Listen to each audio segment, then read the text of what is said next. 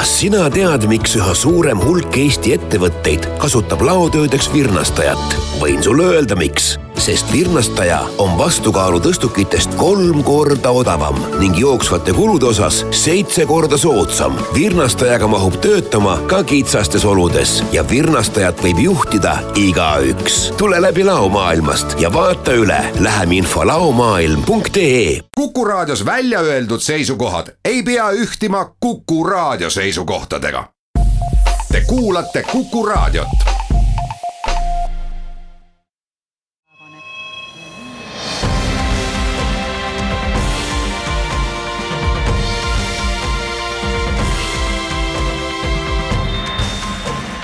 Buum. saadet toetavad Swedbank ja EBS, nähes ja luues võimalusi tere päevast, on üheteistkümnes juuli, kell on saanud loetud minutid üksteist läbi, oleme taas eetris Buumi saatega, saatejuhid Anto Liivat ja Ott Pärna. Tänast uudisteplokki alustame Harvardi ülikooli teadlaste uuringuga selle kohta, kuidas on omavahel seotud immigratsiooni teema käsitlemine ühiskonnas ja inimeste nõudlikkus valitsuse sotsiaaltoetuste järele sealt edasi vaatame otsa riikidele, kus on enim iduettevõtteid ja otsime ka seoseid nende loodavate iduettevõtete ja immigratsiooni vahel arutleme selle üle, kuidas kaitsta tipptegijaid ettevõttes läbipõlemise eest. meie tänane saatekülaline on Funderbeami looja Kaidi Ruusalepp. uurime Kaidi käest, kuidas Funderbeamil läinud on, räägime ka plokiahela tehnoloogiast ning äh, naisettevõtjate olukorrast ning väljakutsetest startup maailmas aga nii nagu lubatud sai, alustame immigratsiooni teemadega. tegemist on kahtlemata ühe kõige kuumema poliitilise teemaga maailmas. Harvardi ülikooli teadlased on läbi viinud põneva uuringu, kus kõigepealt paluti inimestel mõelda immigratsioonile ning immigrantidele ja seejärel uuriti, kuivõrd nõudlikud on nad valitsuse sotsiaalpoliitika suhtes. järeldus üsna ühene. mida enam inimesed immigratsiooni teema peale mõtlevad, seda vähem tundub neile, et nõrgemaid ja raskemas sotsiaalmajanduslikus olukorras inimesi tuleks valitsusel toetada või abistada no ütleme jah, minu arust see uuring on tõestus äh, sellisele, et manipuleerimistehnoloogiad tegelikult töötavad ja tehnikad, et hirmuta inimene millegagi ära ja siis ta on suhteliselt lihtsasti nõus mani-, lepib kas või autokraatiaga näiteks mõnes meie naaberriigis või suhtelise autokraatiaga. et see natuke viitab sellele. et täpselt, et kui sa ütled, et, et noh, kõigepealt on see, et immigra-, immigrantidega seotud äh, näitajad ülehinnatakse alates sellest, et arvatakse, et nad on vähem haritud, kui nad tegelikult on, et need on ühiskonnas, Ameerika Ühendriikides vist läbi küsitluse arvati, et neid on ühiskonnas, ma ei tea, kolmkümmend kuus protsenti, tegelik reaalsus on see, et neid on kümme protsenti.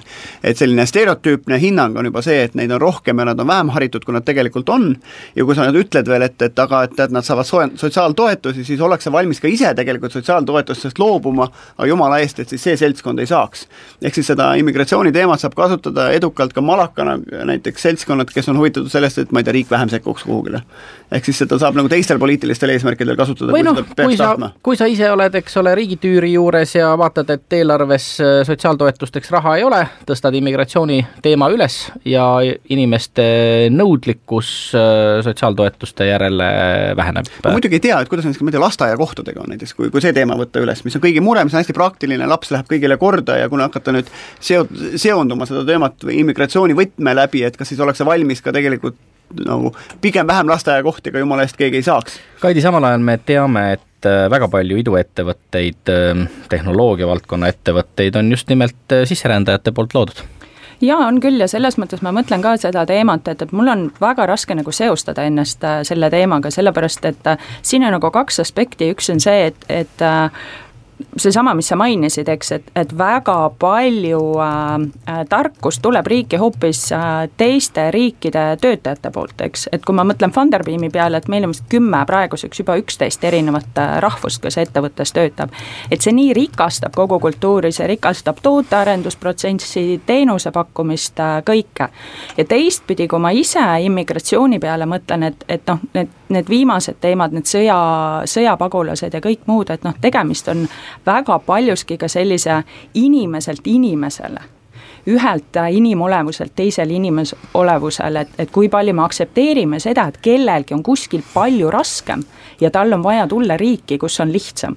Rootsi, üks maailma kõige edukamaid riike majanduslikus mõttes ja, ja ka elukvaliteedi poolest Äh, on samas riik, mida kritiseeritaksegi seetõttu, et nad on endale immigratsiooniteemadega jalga lasknud äh, ja kui küsida inimeste käest, miks te Rootsis elada ei taha, siis tihtipeale väga suurt sisserändajate hulka esile tuuakse, samal ajal sünnib Rootsis äh, vaata et kõige rohkem äh, väga kõrge turuväärtusega startup ettevõtteid, noh ka Eesti ei ole ju laita positsioonis siin Iisraeli kõrval, äh, inimese kohta sünnib ka meil väga palju iduettevõtteid, kas me võime öelda, et pigem vastupidi, edukamad on sellises uues äris need riigid, kus on rohkem erineva kultuuri, etnilise taustaga inimesi mina ütleks seda, et edukad on äh, need riigid, mis on avatud riigid ja, ja avatus nagu kõige laiemas kontekstis.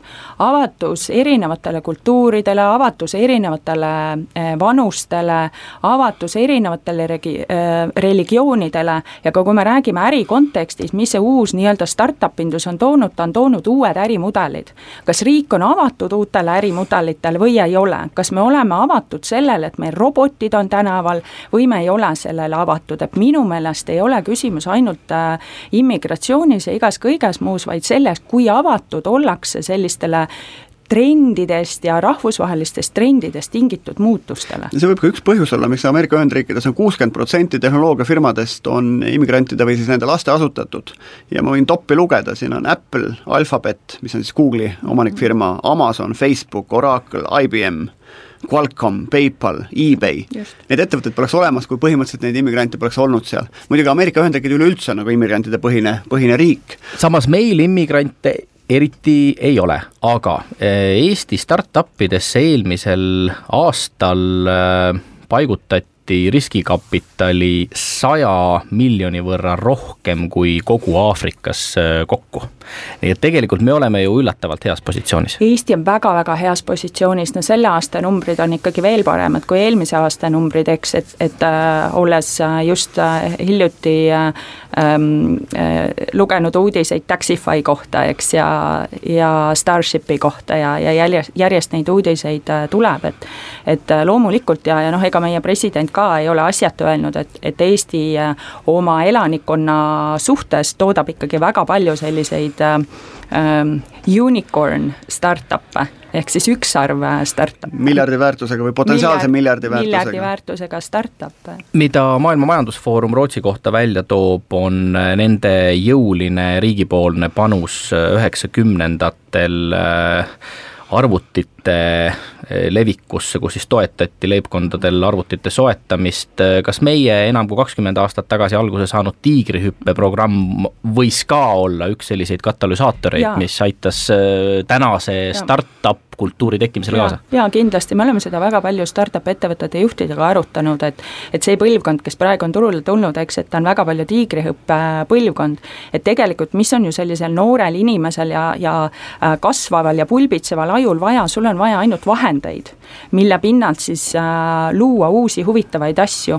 Need on, see on kiire internet, äh, see on äh, ligipääs erinevatele tehnilistele vahenditele, on nad siis nagu omal ajal, eks Bill Gates õppis ja, ja noh, neil olid ka juurdepääsud ülikoolide arvutiruumidele, et et sealt hakkavadki kasvama suured asjad ja Eesti riik selles mõttes väga õigel ajal on, on astunud õiged sammud. ja sama lugu ka sellesama Silicon Valley'ga, et, et seal tegelikult ikkagi noh, seal on NASA keskus ja seal on üks, üsna palju Ameerika Ühendriikide nagu noh, tsentraalset RD või teadus-arendustegevuse raha sinna läinud, mille pinnalt on siis tärganud need asjad, aga ma hakkasin mõtlema selle immigrantidest asutajate poole, et, et et eks nad on võib-olla laiema mindset'iga, nad on rohkem näljased et, et ja, ja, ja teistpidi nende Ameerika ettevõtete puhul on huvitav, et need asutajad on välismaalased, aga rahastajad või investorid on Ameerika Ühendriikide riskikapitalifirmad tihti. Eestis on vastupidi, et, et noh, täna, täna suuresti, et, et asutajad on väga paljuski nagu Eesti taustaga, aga küll on need kapitalistid sees, sellise rahvusvahelisema, noh, see ei ole nii üks-ühele. aga vaata, meie oleme üks neist riikidest, kus selleks, et oma ettevõtte suureks kasvatada, tuli minna välja, tuli minna kapitali järele ja meist kujunesid need nii-öelda immigrandid, kes läksid kapitali järele. kuulame nüüd vahepeal ära kaubanduslikud teadaanded ning vestleme seejärel edasi.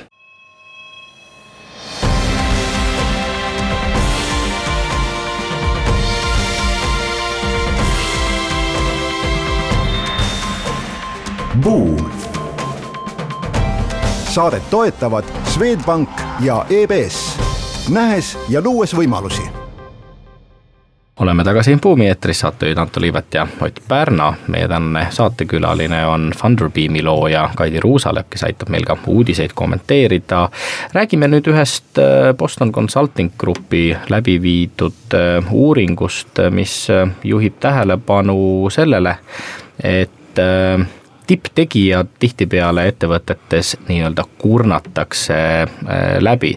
Ühendkuningriigis arvatakse, et et äh, viiendik ähm, kõrge äh, saavutusvajaduse ja heade tulemustega äriliidritest äh, on mingil moel oma vaimse tervise osas läbi põlenud või läbipõlemise äärel. kui tõsine probleem läbipõlemine startup ettevõtluses on?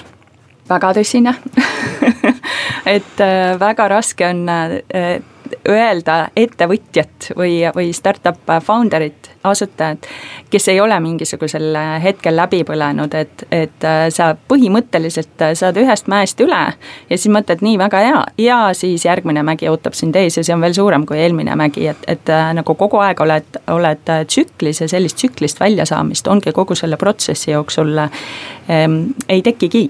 mina nägin ülikooli kohvikus ühte vana head sõpra nädalapäevad tagasi.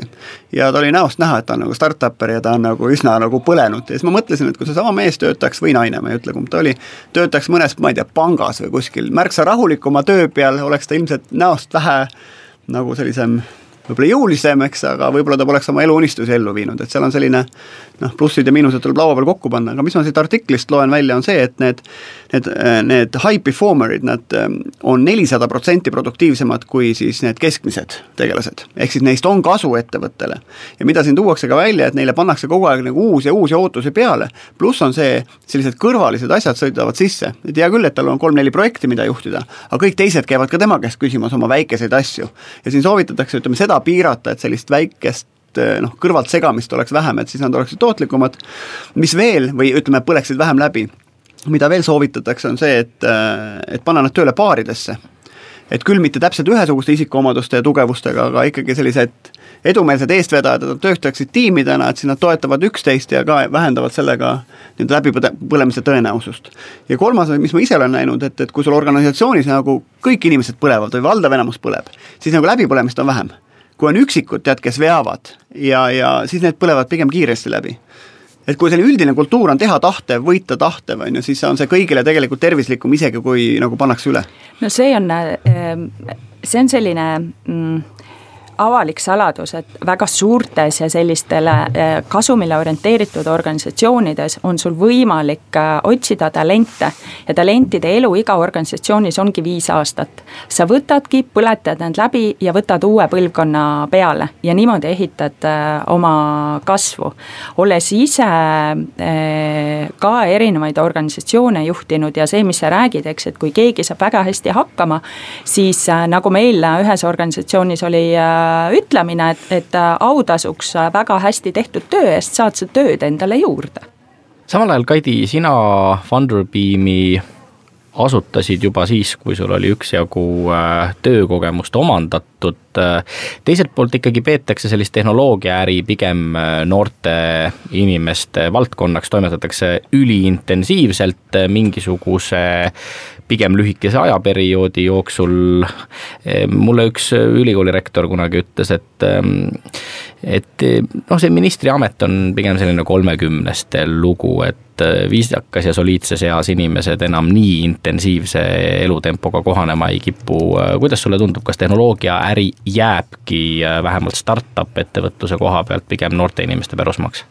No kes on noor, on ju, et äh, kas kakskümmend on noor, kolmkümmend on noor, nelikümmend on noor või viiskümmend on noor, et, et äh, meie asutasime või Funderbeam asutati eks viis aastat äh, tagasi, et ma olin selline, et no tohib vanusest rääkida küll, hilistes kolmekümnendates, et seal on nagu noh, ma ei, väga hea on minna kogemuse pealt. Sul on ikkagi mingisugused asjad, mida sa kogemuse pealt tead, kuidas ettevõtet juhtida, missugused, ma ei tea, juriidilised äh, taustad on põhikirjadest kuni äh, ma ei tea, mille kõigeni, sa oled näinud erinevaid juhtimisolukordi, kuidas konflikte äh, lahendada ja kõike seda, see on nagu tohutu pagas, et sa ei õpi enam, eks.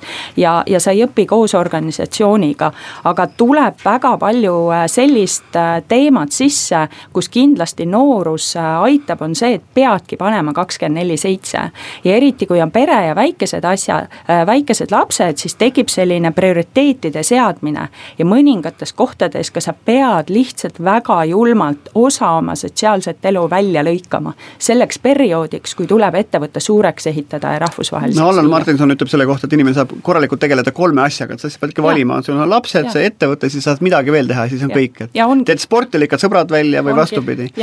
aga mis seda vanust puudutab veel, et, et kõigepealt on see, et me ju noh, kui me startup idest räägime, see on ikkagi lotomäng paljuski. seal on ütleme kümnest üks on, mis läheb nagu lendu, nüüd on küsimus, et üheksa tükki kõrbevad. ja nüüd, kui seda tõenäosust tahta tõsta, siis eeldabki seda, et founderite kvalifikatsioon, varasem kogemus, ka investorite kogemus on suurem, siis lihtsalt see tõenäosus paraneb mm. -hmm. kui on nagu hea idee, mille ümbert nagu tehakse asja.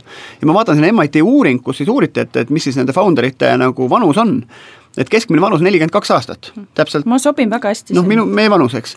ja kusjuures high growth companies on nelikümmend viis aastat mm. -hmm ehk siis täitsa nagu okei okay. mm. -hmm. aga samal ajal, Kaidi, mida sina oled teinud selleks, et oma kõige paremaid töötajaid läbipõlemise eest äh, kaitsta? et neid läbi põletada ega sa ei saa äh, tööandjana äh, nagu noh, see termin on high performer it, eks, sa ei saa teda väga hoida, sellepärast et tema ei hoia iseennast. Nad ikkagi äh, lähevad täiega sisse ja sa võid neile öelda, et, et ole nüüd hea, et võta nädalavahetus vabaks.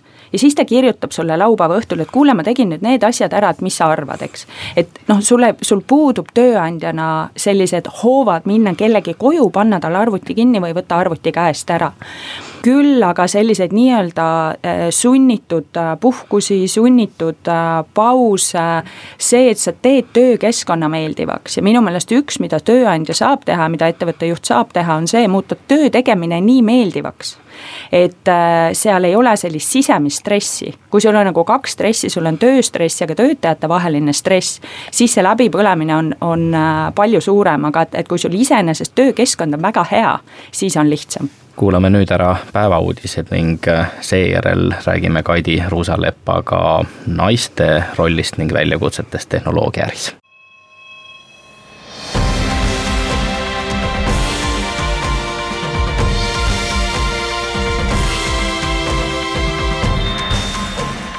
Buum. saadet toetavad Swedbank ja EBS, nähes ja luues võimalusi oleme tagasi Buumi eetris, saatejuhid Anto Liivat ja Ott Pärna. meie tänane saatekülaline on Funderbeami looja Kaidi Ruusalepp ning nüüd räägimegi pisut tehnoloogiaärist ja seejärel ka naiste väljakutsetest äh, tehnoloogiaäris. aga kõigepealt, äh, Kaidi, ole hea, ava mõne sõnaga, mis on Funderbeam, millega te tegelete ja kuidas te olete pälvinud sellise investorite usalduse, et nad on teie ettevõtmisesse paigutanud juba kuus miljonit eurot? no äh, Funderbeam on äh, keskkond, kus äh, investoritel üle maailma on võimalik investeerida kasvuettevõtetesse ja kui nad siis oma investeeringu on ära teinud, siis neil on võimalik selle investeeringuga ka järelturul kauplema hakata ja meie erisus äh, teiste sarnaste, ütleme ühisrahastusplatvormide puhul on just nimelt see, et, et äh, me võimaldame järelturgu aga me testisime sellist tehnoloogiat, nagu äh, sa saate alguses ka nimetasid, et, et plokiahela tehnoloogiat. ja plokiahela tehnoloogiat peetakse maailmas uueks suureks tehnoloogiaks, sest ta võimaldab pakkuda usaldust. et äh, kui tavaliselt pakuvad usaldust institutsioonid, kui näiteks Ott müüb oma osaluse mulle, siis seal on vahepeal väga, väga palju erinevaid nii riiklikke kui finantsinstitutsioone, mis võimaldavad meil tehingu ära teha ja hiljem ütlevad, et, et nüüd osalus on vahetunud ja, ja, ja näitavad seda viimast seisu. et, et ploki vahel võimaldab väga palju neid selliseid vahendajaid äh, vahepealt ära lõigata ja, ja tehnoloogiasse on nüüd kirjutatud see usaldus.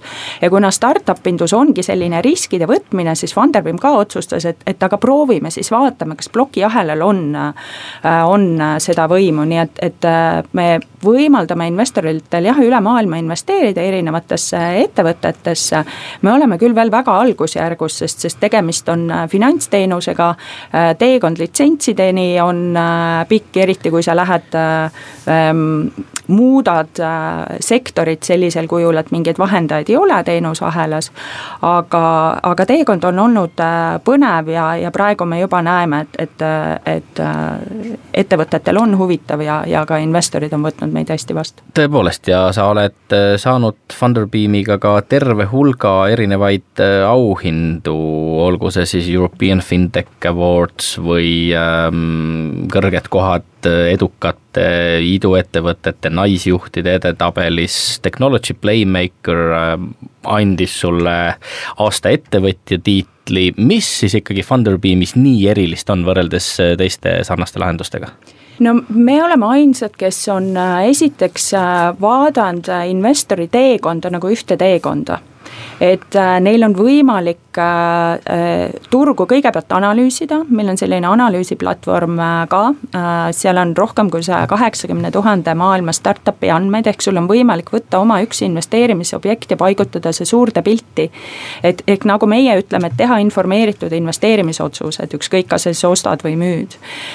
siis on investeerimine ja siis on kauplemine ja seesama plokiahela ärakasutamine, nii et, et seda tunnustatakse mis finantstehnoloogia maailmas praegu nii põnevat toimub, et kõige rohkem riskikapitali äh, raha just seda tüüpi ettevõtetesse paigutatakse?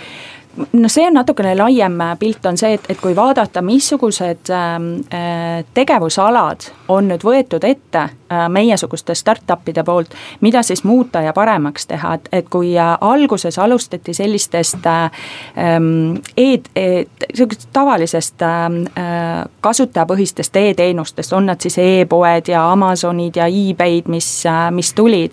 ja siis mindi selliste järjest keerulite, keerulisemate sektorite kallale üks keerulisem keerulisemaid ja enam reguleeritud sektoreid on finantssektor, kus tänu sellele on ka sellist ebaefektiivsust tohutult palju, neid vahendajaid on väga palju ja ja, ja klient on lõpuks äh, viimane, kes, kes sinna nii-öelda rataste vahele jääb, et ühtepidi on see arusaadav, riskid on väga suured ja riske on vaja hallata, aga kas äh, kõik see, mis praegu toimub, on õigustatud sellisel juhul. nii et, et, äh, et kogu see startup'ide tegevus on nüüd liikunud sellisesse keerulisse sektorisse, nagu on finantssektor ja, ja nad püüavad seda paremaks teha. ja, ja mis, mis on huvitav ja mida ennustatakse ja millega ma olen ise väga nõus, on see, et, et viimane sektor, mille kallale minnakse, mis on seni kõige äh, sellisem traditsioonilisem ja, ja, ja mida on raskem rappida, aga on valitsused. ehk see, kuidas rii-, juhitakse riike ja, ja kuidas toimivad valitsused eks selle vahele jääb tegelikult tervishoiusektor, mis on samasugune hästi suur ja kallis ja inertne ja sinna ma ütleks, isegi on mindud äh, natukene enne sisse kui finantssektor, lihtsalt need mõjud tulevad hiljem välja. no tõepoolest, ähm, Ühendriikides äh, juba väga tuntud äh, nii-öelda vanakooli investorid otsivad uusi ja efektiivsemaid lahendusi tervishoiu valdkonnas, aga valitsusi mainides, mis sulle silma kõrva jäänud on sellistest põnevamatest arengutest, kus nähakse tehnoloogia abil tõhustamise võimalusi? no hakkame siit kodust lähedalt peale e-residentsus, eks, et sul on seesama riigi poolt loodud infrastruktuur selleks, et pakkuda kodanikele paremaid teenuseid ja, ja miks mitte pakkuda siis äh, seda riigist välja ähm, ettevõtjatele üle maailma ja, ja, ja ähm, ja, ja erinevatele ähm, inimestele, kes rändavad nagu maailmas palju ringi, kellel võib-olla ei olegi sellist äh, kodu kodumaad äh, kui sellist. ja, ja seal on veel äh, palju huvitavaid äh, teenuseid, mis järjest-järjest tuleb, mis on suunatud eelkõige kodanikele avalike teenuste pakkumiseks. no mis sa arvad üldse, see riik kui startup, et riik võtab selliseid riske ja hakkab iseennast nagu innoveerima, et, et noh, noh kui startup'is me teame, et riskid on hästi-hästi suured, et kui riik läheb teadlikult sellesse valdkonda, et kuidas ta oma riske maandab, seesama e-residentsus, et noh, üleüldine tõenäosus peaks olema kümme ühele, et ikkagi üheksa, üheksal juhul kümnest võiks nagu ebaõnnestuda, et, et, et kuivõrd selliseid riske võtta, kui nad juba võtta, et kuidas siis neid äh, võimalikke riske maandada, kas või see, et sul on paar inimest, kes on selle valdkonna fännid, nad lähevad kuhugile mujale tööle, eks, ja, ja siis jääb see asi ripakile, riik on andnud suured lubadused välja, et kuidas selliseid riske maandada?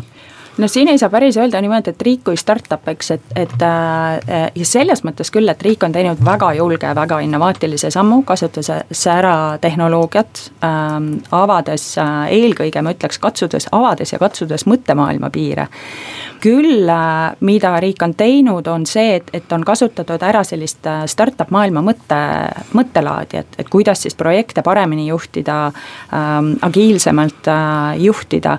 ja, ja riskide kontekstis äh, mina töötasin Riigikantseleis äh, äh riigi IT-osakonnas riigi infosüsteemide osakonnas aastal üheksakümmend kuus ja sealt veel järg-, järgnevad viis aastat ja minu meelest, mida Eesti riik tegi just tehnoloogia kontekstis, me ainult võtsime ju riske.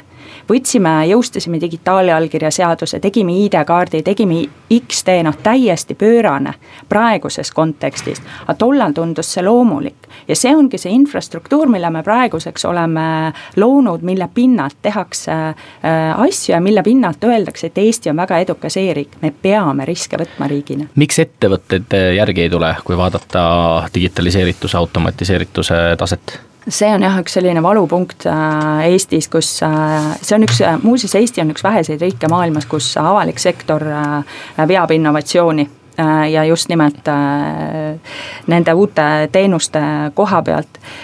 ma ei oska öelda me oleme nii palju sellel teemal arutanud, ma ei oska öelda.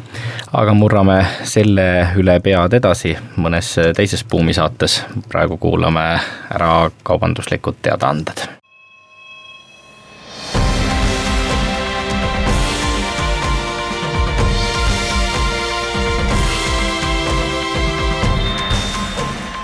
Buum. saadet toetavad Swedbank ja EBS, nähes ja luues võimalusi oleme tagasi Buumi eetris, saatejuhid Anto Liivet ja Ott Pärna, meie tänane saatekülaline on Funderbeami looja Kaidi Ruusalepp ning räägime nüüd äh, naiste väljakutsetest äh, tehnoloogiaäris. Äh, uurijate jaoks on tegemist igati põneva teemaga, ähm, püütakse jõuda miskisugustegi järelduste ja lahendusteni, aga tõsiasi on see, et naisettevõtjate poolt loodud iduettevõtteid on vähe, nendesse on seetõttu ka paigutatud suhteliselt vähe raha ja kõigi nende uuringute puhul võib alati küsida, noh, kuivõrd tõsiseltvõetavad nad lõpuks on. väga paljud uuringutest lõpevad täna ikkagi tõdemusega, et ei saa päris tõsikindlalt väita, et äh, meeste või naiste poolt loodud iduettevõtted oleksid äh, edukamad. sinu kätte jookseb kokku väga palju informatsiooni, milline on sinu tänane selline seisukoht või, või mõtted selles osas? jaa, no siin meie andmeanalüütika platvorm kahjuks seda vahet ei tee, et, et missugune nüüd firma asutajatel on või, või kui palju nüüd asutajate hulgas on naisi ja, ja kui palju on mehi ma olen ise sellel teemal hästi palju mõelnud ja minu meelest need ähm,, need teemad ulatuvad sügavalt sellesse, et kuidas meie lapsevanematena kasvatame üles oma lapsi ja ma olen ikka väga palju kasutanud seda näidet, et kui sa saadad oma tütre või poja kellegi sünnipäevale, siis tüdrukutele pannakse jalga valged sukapüksid ja eeldatakse, et ta tuleb sünnipäevalt tagasi sama valgete sukapükstega ja poistele pannakse jalga tumedad püksid ja, ja öeldakse, et, et äh, naudi nüüd ja, ja roki täiega, eks. et meie ei eeldagi, et tüdrukud ja naised võtaksid riske ja, ja ettevõtlus ei ole mitte midagi muud kui riskide võtmine. kas sa julged riske võtta või, või ei julge riske võtta ja samamoodi siis kapitali kaasamine, et, et üks teine uudis, eks oli, rääkis ka sellest, et, et kui naisettevõtjate asutatud ettevõtted siis lähevad kapitali kaasama, et siis nad saavad vähem kui mehed tõenäoliselt ka naised küsivad vähem, sest nad väga kaalutlevad läbi, et kui palju neil kapitali vaja on ja kui kiiresti nad võiksid siis ettevõtte käima panna ja, ja kasumisse äh, jõuda sa oled ka ise saanud äh, hea konservatiivse kasvatuse, ühes intervjuus äh, ütlesid, et oma emale ei julenud sa kuni kolmekümne viie aastaseks saamiseni öelda, et sa oled ettevõtjaks hakanud. ei no ma no, olin natuke veel vanem, kui ma emale ütlesin, et nii, et, et äh, nüüd ma ei äh,, nüüd ma jah, tegin ettevõtte mis pärast seda on sinu elus teistmoodi? Äh, ettevõtjaks äh, hakkamise puhul või? Nagu ma kellelegi ütlesin, et kui sa ikkagi oled ettevõtja ja eriti äh, sellel hetkel, kui sa seda ettevõtet üles kasvatad, siis sa käid ka WC-s ettevõttega. ta tuleb sinuga igale poole kaasa, absoluutselt igale poole, sa ärkad öösel üles ja esimene asi, millele sa mõtled, on see, et, et äh, kust saada rohkem kliente või, või kuidas ma nüüd selle tehnoloogilise probleemi ära lahendan. ta käib igal pool kaasas, sa võid minna puhkusele, ma võin, võin minna ükskõik kuhu Äh, aga Funderbeam tuleb kaasa, see on see, mis, äh, mis muutub. aga professionaalse poole pealt on ikkagi see väga lihtsalt öeldes elu väljakutse. no Kaidi, sa ennist rääkisid, et sa muretsed oma sellest, et su töötajad läbi ei põleks, et kuidas sa ise äh, väldid läbipõlemist või mida sa teed? Ma proovin väga paljudes olukordades lähtuda ka oma perekonna soovist, et perekond on ikkagi see, mis hoiab, hoiab mind vaimselt kursil, eks, et, et noh, kuni selleni, et, et äh, mingeid äh, Funderbeami kliendiüritusi ma olen proovinud sättida niimoodi, et ma saaksin minna näiteks laste koolilõpupallile sest kolmkümmend aastat hiljem mul lapsed mäletavad, et ma ei läinud koolilõpupallile. aga kliendid ei mäleta tõenäoliselt seda üritustki, et sa pead sättima nagu mingeid asju niimoodi, et sul ei kao kumbki tagala ära. ja sa, ei tohi inimesena ennast selle teekonna jooksul ära kaotada. sa lähed äh, natukese aja pärast Singapuri elama, võtad pere kaasa, kas see oli pere soov sinna minna või sinu oma? pere on partnerlus pere ei ole niimoodi, et, et keegi ütleb ja nüüd kõik teevad, pere on partnerlus ja, ja sa pead nendega kokku leppima. ja mina ütleks niimoodi, et, et pigem olid nemad need, kes tõstsid näpud püsti ja ütlesid hurraa. kui, kui mina, kes seesama nüüd jälle see naisena hakkad mõtlema väga konservatiivselt kõiki asju läbi, mis on need riskid, mis on ettevõtte riskid, eks kõik muud, mis on boonused ja mõned uuringud väidavad seda, et äh, investorid kahtlevad naisettevõtjate tehnilistes teadmistes, kui palju sina oled sellega kokku puutunud või vaadatakse sind kui äh, eestlast ja öeldakse, et noh, teie seal Eestis äh, teate digimaailmast kõike? jaa, Eestil on tohutult hea maine nagu tohutult, tohutult hea maine, et, et midagi on toimunud viimase kahe-kolme aastaga, aga ükskõik, kuhu ma lähen ja ütlen, et, et see on Eesti ettevõte, siis äh, esimene kiht kooritakse maha ja, ja minu puhul ja nüüd tuleb see kogemus mängu, eks me rääkisime vanusest, eks, et et kui minu CV-s on kirjas, et ma olen juhtinud Tallinna börsi, siis, äh, siis ka teine kiht äh, kooritakse maha, et sul peab olema mingisugused sellised seljatagused ikkagi, mida ka investoritele näidata. ja mina ütleks näiteks seda, et me ei saa öelda, et, et investorid vaatavad naisi kuidagi veidramalt, see kõik on isiksuste teema. oled sa kokku puutunud selliste tehnoloogia ettevõtluse kuumade teemadega nagu seksuaalne ahistamine, palgalõhed, naisterahvaste diskrimineerimine meeskondade komplekteerimisel? ikka, ikka muidugi. milles see väljendub?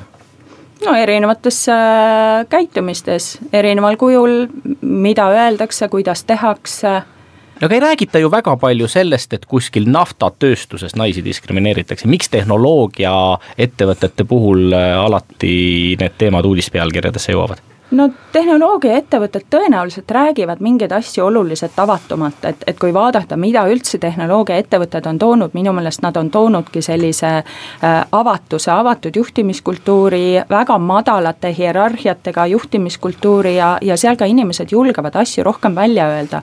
ja teine, mis minu meelest on toonud see, see tehnoloogia areng ja need tehnoloogiaettevõtted on toonud äh, äh, palju muutusi kaasa, et nad on ise valmis muutuma ja muutused algavad algavad eelkõige sellest, et räägitakse avalikult probleemidest. kas naised manipuleerivad ka meestega tööalaselt? samamoodi nagu sa rääkisid oma kogemusest, ma võin öelda, et manipuleerivad küll. et, et äkki me jälle natuke vaatame seda asja selles mõttes nagu, mitte et ma nagu kuidagi ei arvaks, et naiste noh, peab muretsema nende naiste ärakasutamise kõige muu pärast, aga just on see, et, et see vaene mees saab ka vahel ära kasutatud teistpidi isegi siis, kui ta on founder näiteks. mina ütleks niimoodi, et see on kõik äh, inimeste teema, me ei saa üldistada. Äh, mitte ühelgi juhul me ei, me ei saa üldistada, et see läheb sinna ühe isiksuseni äh, välja ja, ja ei, ei ole gruppe, et kindlasti nüüd on sellised manipuleerivad mehed ja manipuleerivad naised, on ju. Meie aeg siin täna hakkab ümber saama, rääkisime ennist sellest, et Eesti tänase startup eduloo taga on äh, suuresti tiigrihüpe ja selles vaimus üles kasvanud põlvkond. mis võiks olla Eesti järgmine tiigrihüpe? no tiigrihüpe tõi meile äh, oskuse kõige laiemas mõttes, oskuse kasutada tehnoloogiat. mis on see järgmine oskus mida meil äh, vaja on. ma arvan, et meie järgmine oskus võiks olla selline haridus- ja koolisüsteem, kus meie koolitundides ei õpita fakte pähe, vaid äh, äh, õpikus pakutud faktide pinnalt õpitakse looma uusi lahendusi ja uusi väärtusi, võetakse matemaatika, võetakse äh, bioloogia või joonistamine ja proovitakse nende kahe ala pinnalt äh, luua uut äh, väärtust. ma arvan, et see on see kiht teadmisi, mida meil on vaja, et teha järgmine hüpe aitäh, Kaidi Buumi saatesse tulemast, meie soovime sulle ja Funderbeamile tuult tiibadesse, Buumiga oleme eetris juba täpselt nädala pärast, siis uued teemad ja uued külalised, kuulmiseni.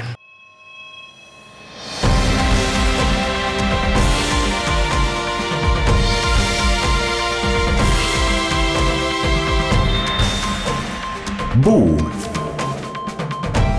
saadet toetavad Swedbank ja EBS nähes ja luues võimalusi